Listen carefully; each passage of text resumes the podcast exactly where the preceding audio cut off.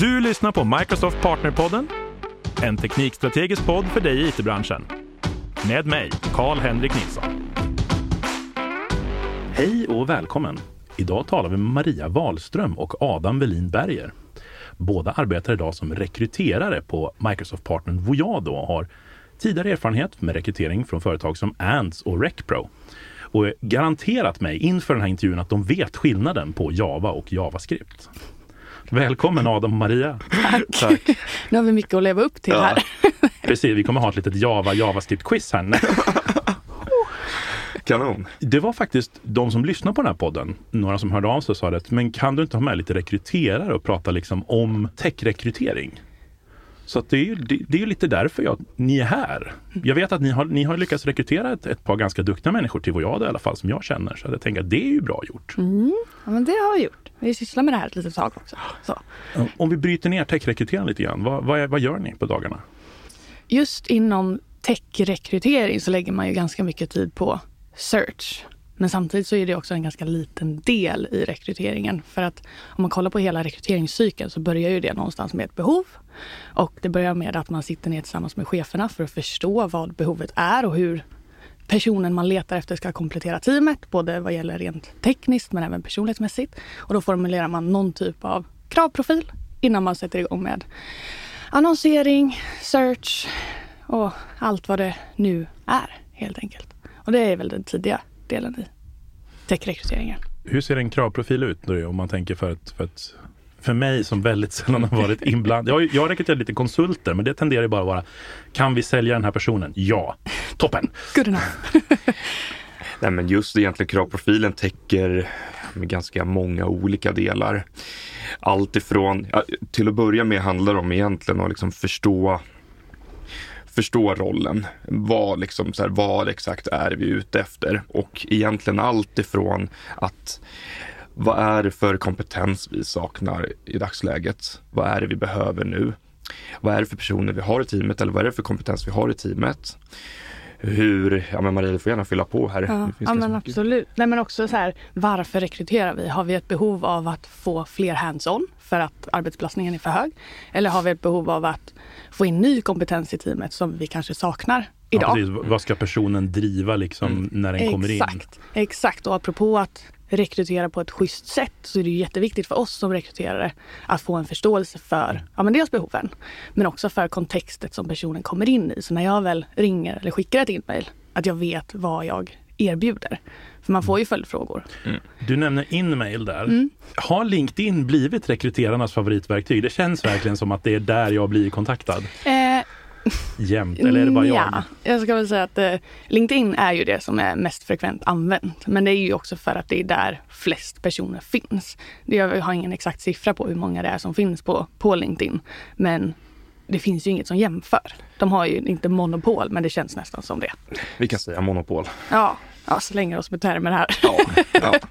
Så därför blir det ju LinkedIn som är det mest frekvent använda. Ja. Och det är ju det också när bristen på IT-kompetens är så jäkla stor att man behöver vidga sina vyer för att det är jag och 30 andra rekryterare som kontaktar en utvecklare. Liksom. Ja, vad intressant. Låt oss stanna kvar där lite grann. Vidga, alltså vad kan vi egentligen vidga våra vyer emot? För det är ju, vi, jag tror alla partners jag jobbar med vill rekrytera mer duktiga medarbetare. Mm. Men det är ju det är ganska svårt. Och vi har LinkedIn, det är ett mm. verktyg. Mm. Vad mer kan ha vi som vi Du nämnde annonser. Ja, men man kan ju annonsera och då kan man använda väldigt mycket olika plattformar. Man använder ju såklart LinkedIn, men det finns ju Career Builder. Eh, man kan annonsera på Arbetsförmedlingen. Det finns ja, diverse. Kommer du på fler? Adam? Demando finns ju idag Demando. också. Eh, vi har ju mässor man kan vara ute på. Vad funkar bäst? Ja, det är en bra fråga. Av alla så skulle vi säga att, eh, alltså att annonsera. Menar du nu eller vad? Ja, ja, det är ju LinkedIn då... framför allt skulle jag säga. Det är där vi når den breda massan överlag. Sen använder vi också, hör och häpna och fasa, GitHub. Mm. Ja, och det har jag märkt ganska mycket. Nu kommer jag inte ihåg vem det var som berättade, men det var en annan gäst i den här podden mm. som hade en bot på GitHub som fick ett jobberbjudande via GitHub för att den hade så mycket, den hade så mycket GitHub-commits så att den, eh, den fick ett jobberbjudande. Hej, vi ser att du är väldigt aktiv på GitHub. Skulle du vara intresserad? Till och med GitHub använder GitHub. Så att, eh, alltså den fick inte ett jobberbjudande av GitHub men den fick ett Jaha, jobberbjudande okej. på GitHub. Ja, via okej. meddelandes där. Så att ja, Hmm. det verkar vara det, växande. Det är ju det. Och eh, där får man ju vara, gå lite försiktigt. För att där använder ju utvecklare inte GitHub som en karriärsida. Det är ju inte därför man använder det. Det får man ju försöka som rekryterare ha full respekt för. Och kanske vara transparent och säga så här, jag hittade din, dina kontaktuppgifter på GitHub. Jag ser att du har gjort det här och det här. Jag vet absolut inte vad du står i tankarna just nu. Men jag undrar hur du har det. Och det här är vad vi gör. Är du nyfiken? Typ. Ja, för det där nämnde ni tidigare. Vi, vi pratar ju lite, för man gör ju det, man Mm. gör ju förjobb innan man poddar. ni pratar ju lite grann det här om att man, man hör ju ofta av sig liksom i, i syfte att bygga en begynnande relation, eller hur var det ni uttryckte det? Ja, precis. Och jag tror att det är vägen framåt, att jobba med relationsbyggande rekrytering just inom tech. För att om man ska börja headhunta varje gång man behöver tillsätta en roll, då kommer det ta jäkligt lång tid. Just för att kompetensbristen är så jäkla hög. Och om man då har byggt relation under en längre tid, jag har chattat och snackat i telefon och mejlat med utvecklare som jag vet är duktiga, eller som respekt för att jag inte vet allt, men som jag uppfattar som duktiga och har rätt kompetenser. Och vi har en relation, då är sannolikheten högre att de svarar på mitt mejl för att de är så här, ja men gud, tjena hur är läget, fan vad länge sedan. Mm. Typ. Och den typen av relation har man ju byggt upp under åren. Så, eh, så jag tror att det är nog vägen framåt. Upplever jag i alla Ja fall. men så är det verkligen. Det proaktiva arbetet eh, är inte att underskatta för bådas parter egentligen.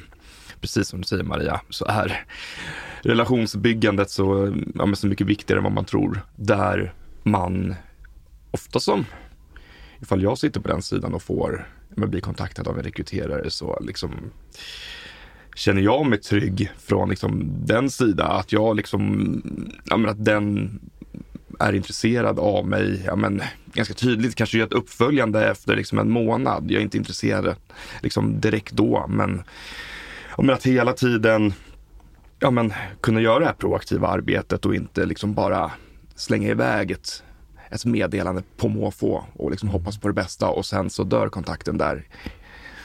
Har man fått hitta nya tekniker för att bygga den här typen av relationer under pandemin och det här? För jag kommer ihåg liksom innan pandemin så träffade man ju mycket rekryterare på konferenser och man träffade dem ju, ja men så här som vi sitter nu, face, face to face liksom. Mm.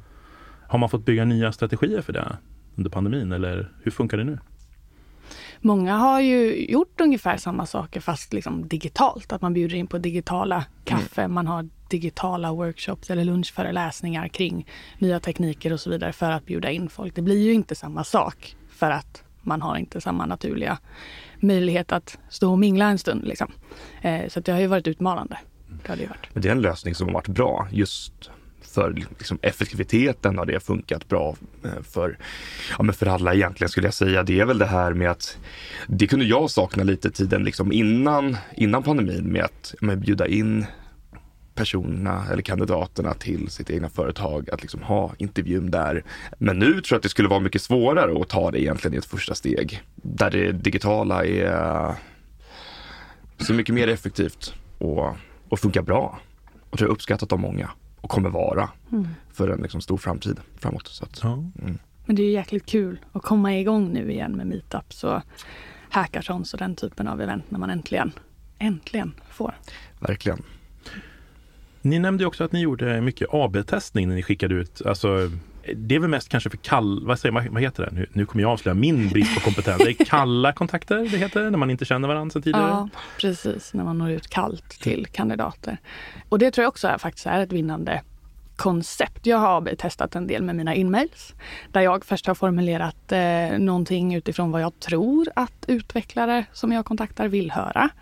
Och sen så har jag bett eh, ja, men utvecklare på vad jag då skriva skriva in mejl till mig också, där vi får labba runt lite. Där har jag tyvärr inte kommit upp i antalet siffror för att kunna avgöra kring huruvida mitt eller mina utvecklares, mina utvecklares, nu ska jag sluta, eh, utvecklarnas inmails är bäst. Men Men jag har ju fått en, en liten skara människor som kommenterar den här podden på olika sätt. Jag har fått allt från LinkedIn-meddelanden till mail till sms från gamla kollegor. Så, där. så att du har en liten möjlighet här att provtrycka dina tankar. Vad vill en utvecklare höra för att en rekryteringsannons ska vara intressant?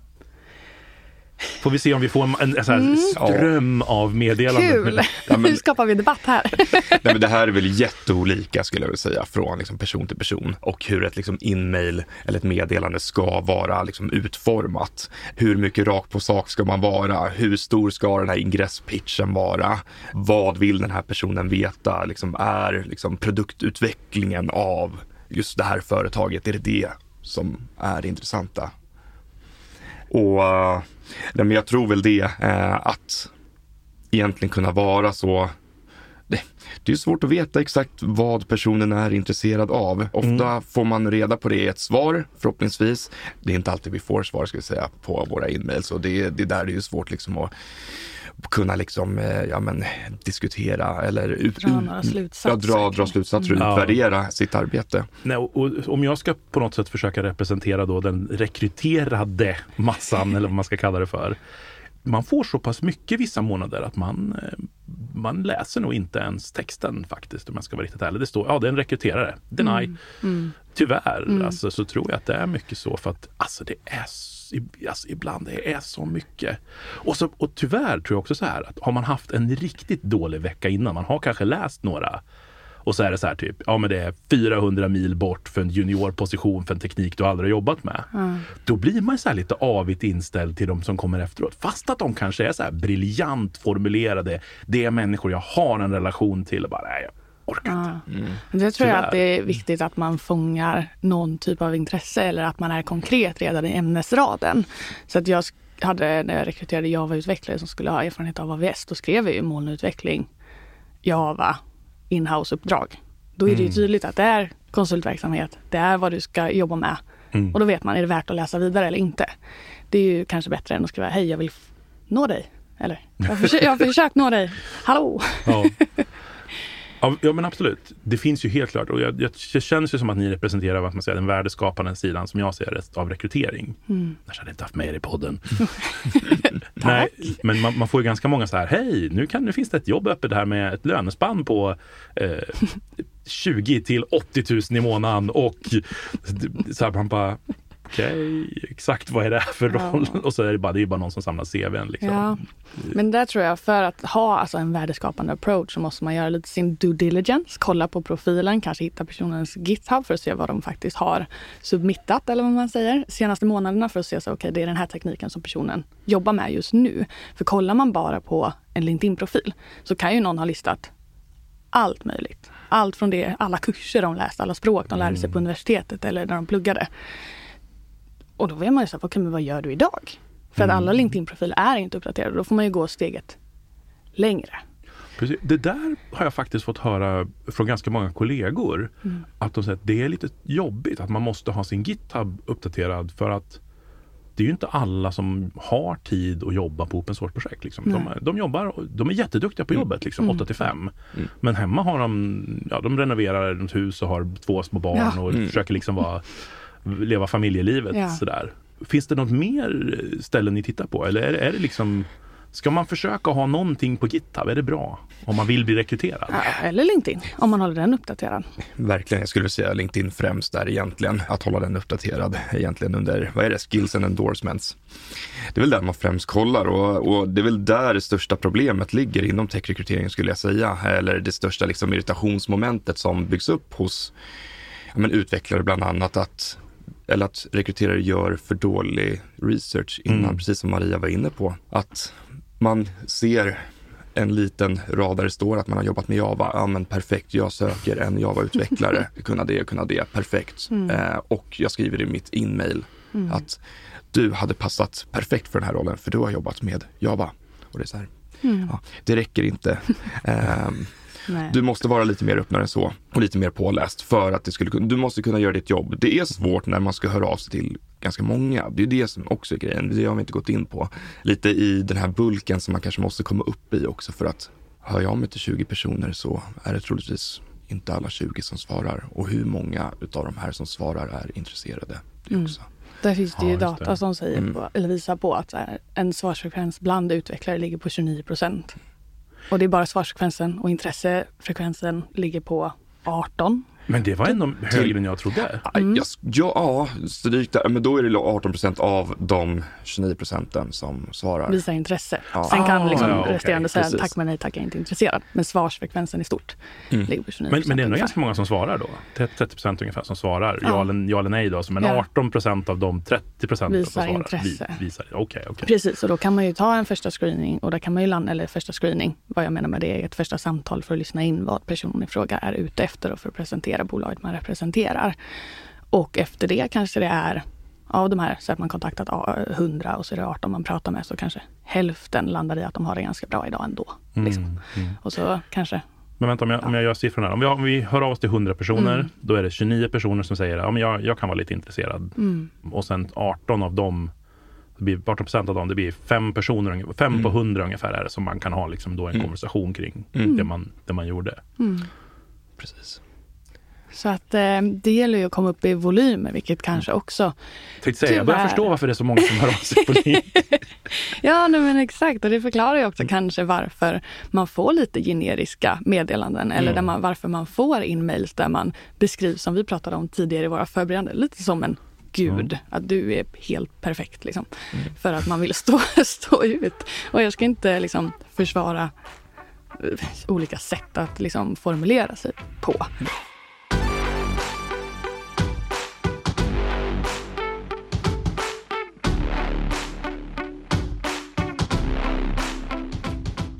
Men jag skulle jättegärna höra feedback från någon annan utvecklare här nu. Nu har vi bara mig i rummet. Men jag tror att det ni beskriver det här med att man verkligen kollar Mm.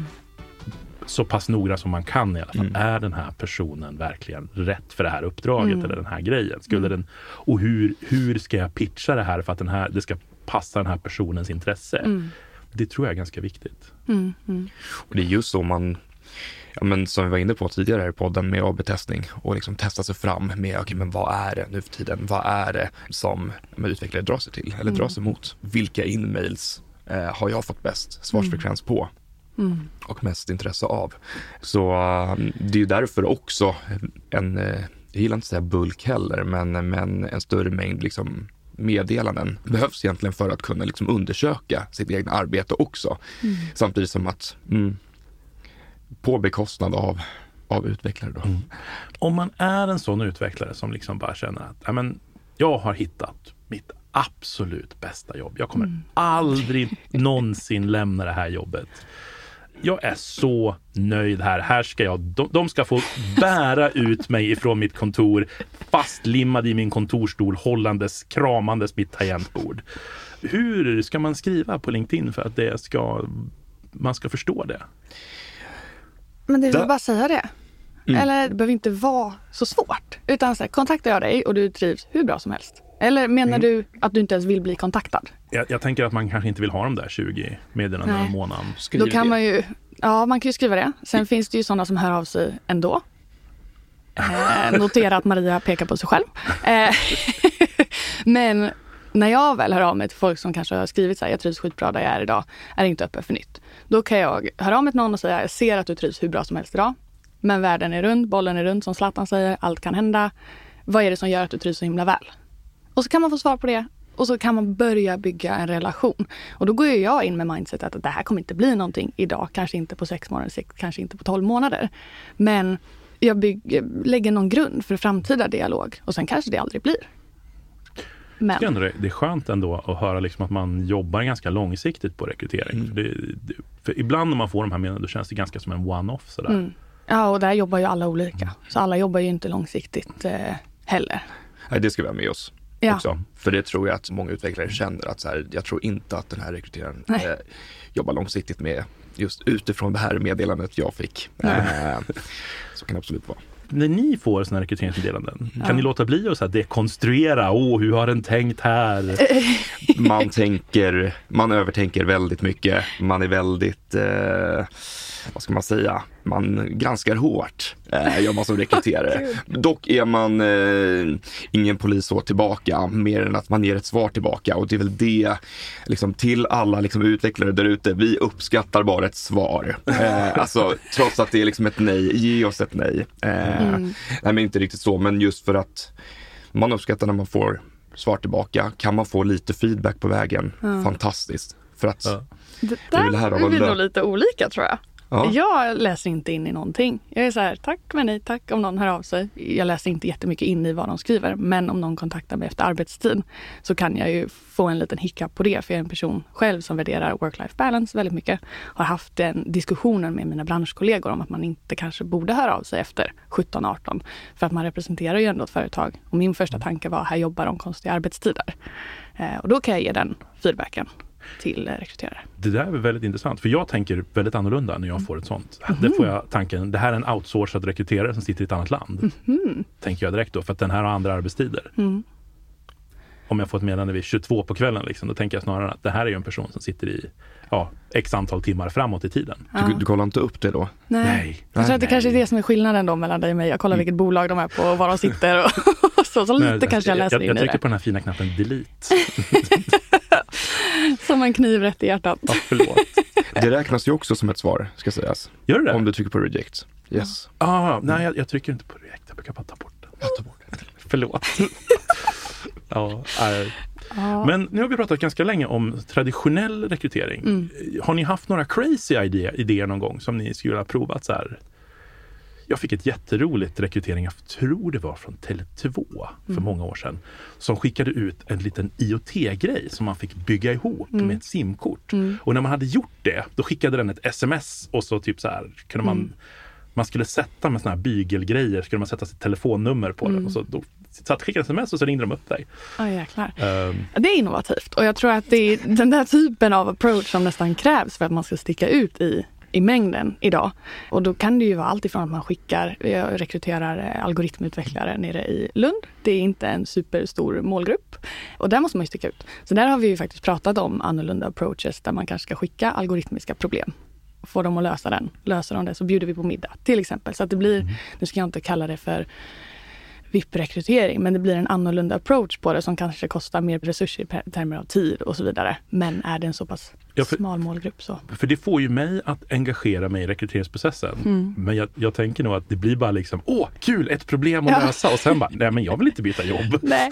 Nej, jag hade faktiskt på ett tidigare uppdrag där jag hittade en annons, jag vet inte om det var någon som hade delat den på LinkedIn, men där man behövde lösa väldigt många problem för att komma fram till annonsen. Mm. Så jag fick ju aldrig se den här annonsen. Men jag var ju otroligt nyfiken. Så jag sprang ju runt till alla utvecklare jag kände och var så kan du hjälpa mig komma fram till annonsen? så att eh, där fick de lite gratis eh, hjälp ifrån mitt håll, tror jag. Men eh, det är ju kreativt och det man vill ju börja liksom så här klia lite i den delen av hjärnan på utvecklare som säger jag kan inte låta bli. Liksom. Men du, du sa en intressant grej där, du sprang runt till era utvecklare. För Mm. ni, ni jobbar ju med rekrytering på ett bolag som har anställda utvecklare. Precis. Är det till hjälp? Att man kan gå och fråga liksom, Ja, gud ja. Utan. Absolut. Vi har på varannan veckobasis någonting som vi kallar för hiring committee. Där vi involverar alla som vill involvera sig i rekrytering i ett forum där vi diskuterar den här typen av saker. Hur ska vi nå målgrupper? Vad är bästa sättet att marknadsföra sig på? Och jag kom med en, enligt mig själv, briljant idé. Jag bara, vi ska skapa en podd. Det håller ju du med om att det är en briljant idé. Men så kom... jag så- vill inte ha konkurrens. Nej, men det är en annan typ av podd. Ja, skojar bara. Eh, och då fick jag lite medhåll och lite så här, ja, jo, men kanske. Och sen så lät vi det marinera ett par dagar och så kom en av utvecklarna och var så här, ja, det är ju en bra idé. Men jag som privatperson lyssnar inte på techpoddar på fritiden särskilt mycket. Jag tror att du missar 90 procent av utvecklarna för att alla involverar sig inte i communityt och jobbar på fritiden och lyssnar på poddar och så vidare. Så jag tror att vi måste tänka annorlunda. Och att involvera målgruppen som man försöker nå ger en otroligt bra perspektiv. Mm. Mm. Ja, det är lite intressant. Vi har ändå rätt mycket lyssnare på den här techpodden. Mm. Nej, men jag förstår, jag förstår. Det är intressant det här du säger. Och jag, det känns också som att det kommer lite tips där egentligen till andra partnerföretag till Microsoft. Mm. För att eh, jobbar man med rekrytering där så låter det ju som att det är väldigt effektivt att ta hjälp av, Ja. av, Ja, av den techpersonal man har. Liksom. Ja. Det är ett tips till alla. Det spelar ingen roll om du är eh, rekryteringskonsult ute hos ett företag eller jobbar inhouse eh, som rekryterare. Eh, att kunna gå till de som mest berörs av sådana här typer av meddelanden och liksom approach, eh, blir approachade av, av rekryterare Mm. eh, är givetvis de man ska höra av sig till och kalla sig supermycket ifrån. Så det bör nog alla som jobbar med rekrytering ta till sig, eh, Mm. utan tvekan. Ja men verkligen. För jag, jag känner verkligen att det har gett väldigt, väldigt mycket. Och Ja. nya perspektiv på saker och ting som jag kanske inte har möjlighet att få fram. För jag vet inte. Jag tänkte vi skulle avrunda dagens poddande Mm. med en sån här liten eh, do not-lista för, Mm. för rekryterare. Va- Vad har ni för grejer som man absolut inte får skriva? För jag kan ju börja med den som jag inledde med. Ja. Och det är man får ju absolut inte förväxla Java och JavaScript. so many have but you shouldn't. Men det finns ju ett par hygienfaktorer. Skriv rätt namn till exempel. Det var det första jag tänkte säga, skriv rätt namn. Ja, och jobba. Okej, nu tänkte jag, nu var jag på väg att skapa en do-list och inte en don't-list. Ja, men, men det, är bara, det, det kan också vara bra. Alltså, jag uppskattar ju verkligen att få rätt namn eftersom att jag har ett bindestreck. Jag Ja. har ju ett lite ovanligt namn. Ja. Och så många rekryterare lägger till assanger och konstiga tecken och grejer i mitt namn. Alltså jag har ett vanligt norrländskt namn, jag heter Karl-Henrik. Men det är, jag får så här små konstiga grejer över en och jag får så här, jag vet inte ens vad de heter, carrot tops över en. Så Riktigt så här mycket franska grejer. Ja, varför inte? Eller ja, därför, för att det inte är ditt namn. Ja, nej, men dos och don'ts. Vad säger du Adam? Gör din research Ja. till att börja med. Mm. Så att kontakten blir så personlig som möjligt. Mm. Verkligen. Mm. Trots att det tar lite längre tid, om man vill försöka liksom vara effektiv i sitt arbete så kommer det gynna dig i längden och Mm. vara så personlig som möjligt Mm. i ditt sätt att höra av dig till en utvecklare. Ja, precis. Och får man svar ifrån någon man kontaktar, låt inte konversationen dö där. Följ upp. Om någon säger tack men nej tack, jag trivs jättebra. Okej, jag förstår. Vad är det som gör att du trivs så bra? Är det okej att jag följer upp om 6 till 12 månader? Typ. Svara någonting i alla fall. För jag kan ju tycka att det är en trevlig grej. Var kreativ. Kör inte bara inmails, för alla kör bara inmails. Sen Ja. så kanske jag inte ska i den här podden rekommendera att ringa kallt alla gånger. Men smaken är som baken. Vissa Nej, uppskattar jag- att man jag- gör det. Ja, men jag tycker den är lite farlig. Mm. Jag har en, en kollega som eh, jag pratade med inför den här podden. Jag brukar Mm. samla så här lite, vad ska vi prata om? Inget ämne. och han sa det, ja, men då tycker jag du ska ta upp att jag hade en rekryterare som letade rätt på mitt privata telefonnummer Mm. och ringde mig på kvällstid. Och han sa, jag har aldrig känt mig så ehm, Kränkt. Precis, Ja. alltså han bara, jag är inte en lättkränkt människa men det här var riktigt jobbigt. Mm, mm. Och jag, jag fattar det liksom att, ja men jag vill inte att folk ringer mig överhuvudtaget, höll jag på att säga. Men, men jag, jag fattar, jag, jag tror att framförallt med utvecklare, Ja. i alla fall i min umgängeskrets, Ja. cold calling är No go. svårt Mm. att få, få rätt. Mm. Jag hade en ganska snygg upplevelse faktiskt som jag ska tipsa folk om bra rekrytering. Ja. Och det var en rekryterare som bad en kompis till mig höra av sig till mig och fråga om jag ville snacka med dem. Mm. Och han bara så här, jag har jobbat med de här förut Mm. och jag tyckte de var väldigt trevliga och sköna att jobba med. Så att du vill, vill du snacka med dem? För de frågade om du ville snacka med dem. Men då har man en common ground att stå Ja, på. visst. Någonting att inleda en konversation kring. Men samtidigt så tror jag ändå att så här, värt att lyfta är ju återigen smaken är som baken. Alla gillar inte att bli uppringda. Framförallt inte efter arbetstid, vilket man har full respekt för. Men jag har ju haft personer som jag har skrivit inmails till och sen så slår jag en pling bara för att följa upp och säga tjena har du sett mitt inmail? Och då är de så här, nej gud, jag får så mycket inmail på alltså LinkedIn så jag går inte ens in där. Så att det är bra att du, du ringde. Men det känns ändå som att man har ljummat på kontakten lite i alla fall innan. Man har, man har hört av sig på något sätt. Mm.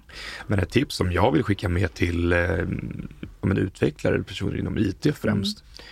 Kom gärna med feedback ifall ni har den tiden och känner att ni har de 10 sekunderna på att skicka ett meddelande tillbaka. Mm. tar vi jättegärna emot det. Mm. Ja, jag tror att man, det är så många man skulle, Ja, det skulle liksom bara ta det så mycket, mycket. tid. Så är det, men finns det lilla den tiden, Jag, jag tittade faktiskt innan jag rensade, bara inför den här podden, Ja. så rensade jag alla mina inmails från rekryterare i fredags. Och så bara tittade jag hur mycket som kom in över helgen och måndag. Det är tisdag dag när vi spelar in. Och jag har 21 nya inmails från rekryterare. Det blir en del. Man kan inte ge liksom- feedback på det- det alla individuellt. Men jag har en, jag, har, jag tänkte få avsluta med en fråga som jag fick eh, till mig här av en person som tyckte att jag skulle ta in rekryterare. Mm. Om man inte trivs på sitt jobb Mm. och så känner man liksom att ja, men jag, nu måste jag göra någonting, jag måste byta och så man tittar på lite annonser och så ser man en rekryterare Mm. Och så hör man av sig till den personen. Mm. Hej, jag, jag, vill, jag skulle vilja diskutera min karriär. Liksom. Ja. Eller, jag vet inte vad man skriver faktiskt, men, men man, jag, vill- jag vill hitta på någonting. Hamnar man i en sämre situation då än man gör om, rekryter, om man sitter och väntar på att rekryteraren hör av sig?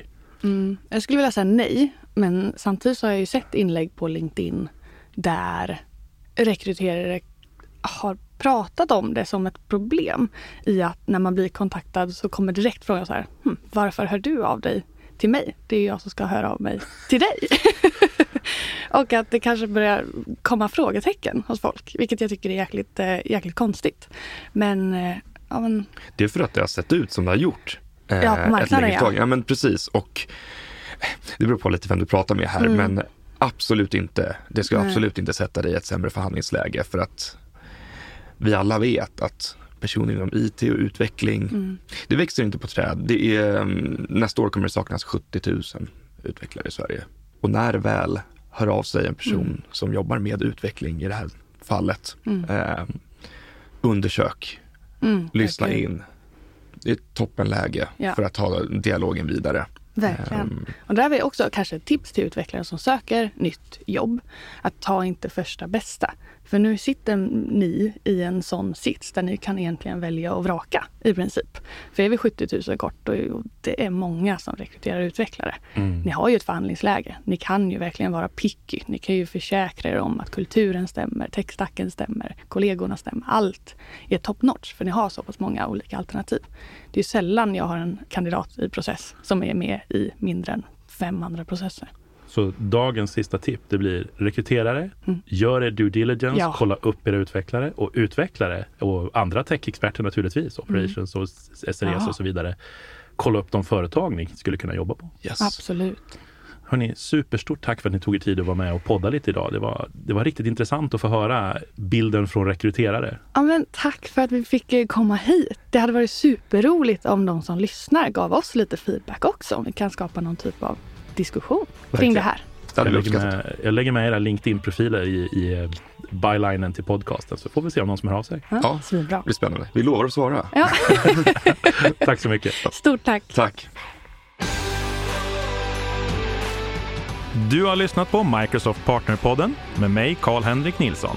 Som vanligt hittar du information och resurser på aka.ms partnerpodden.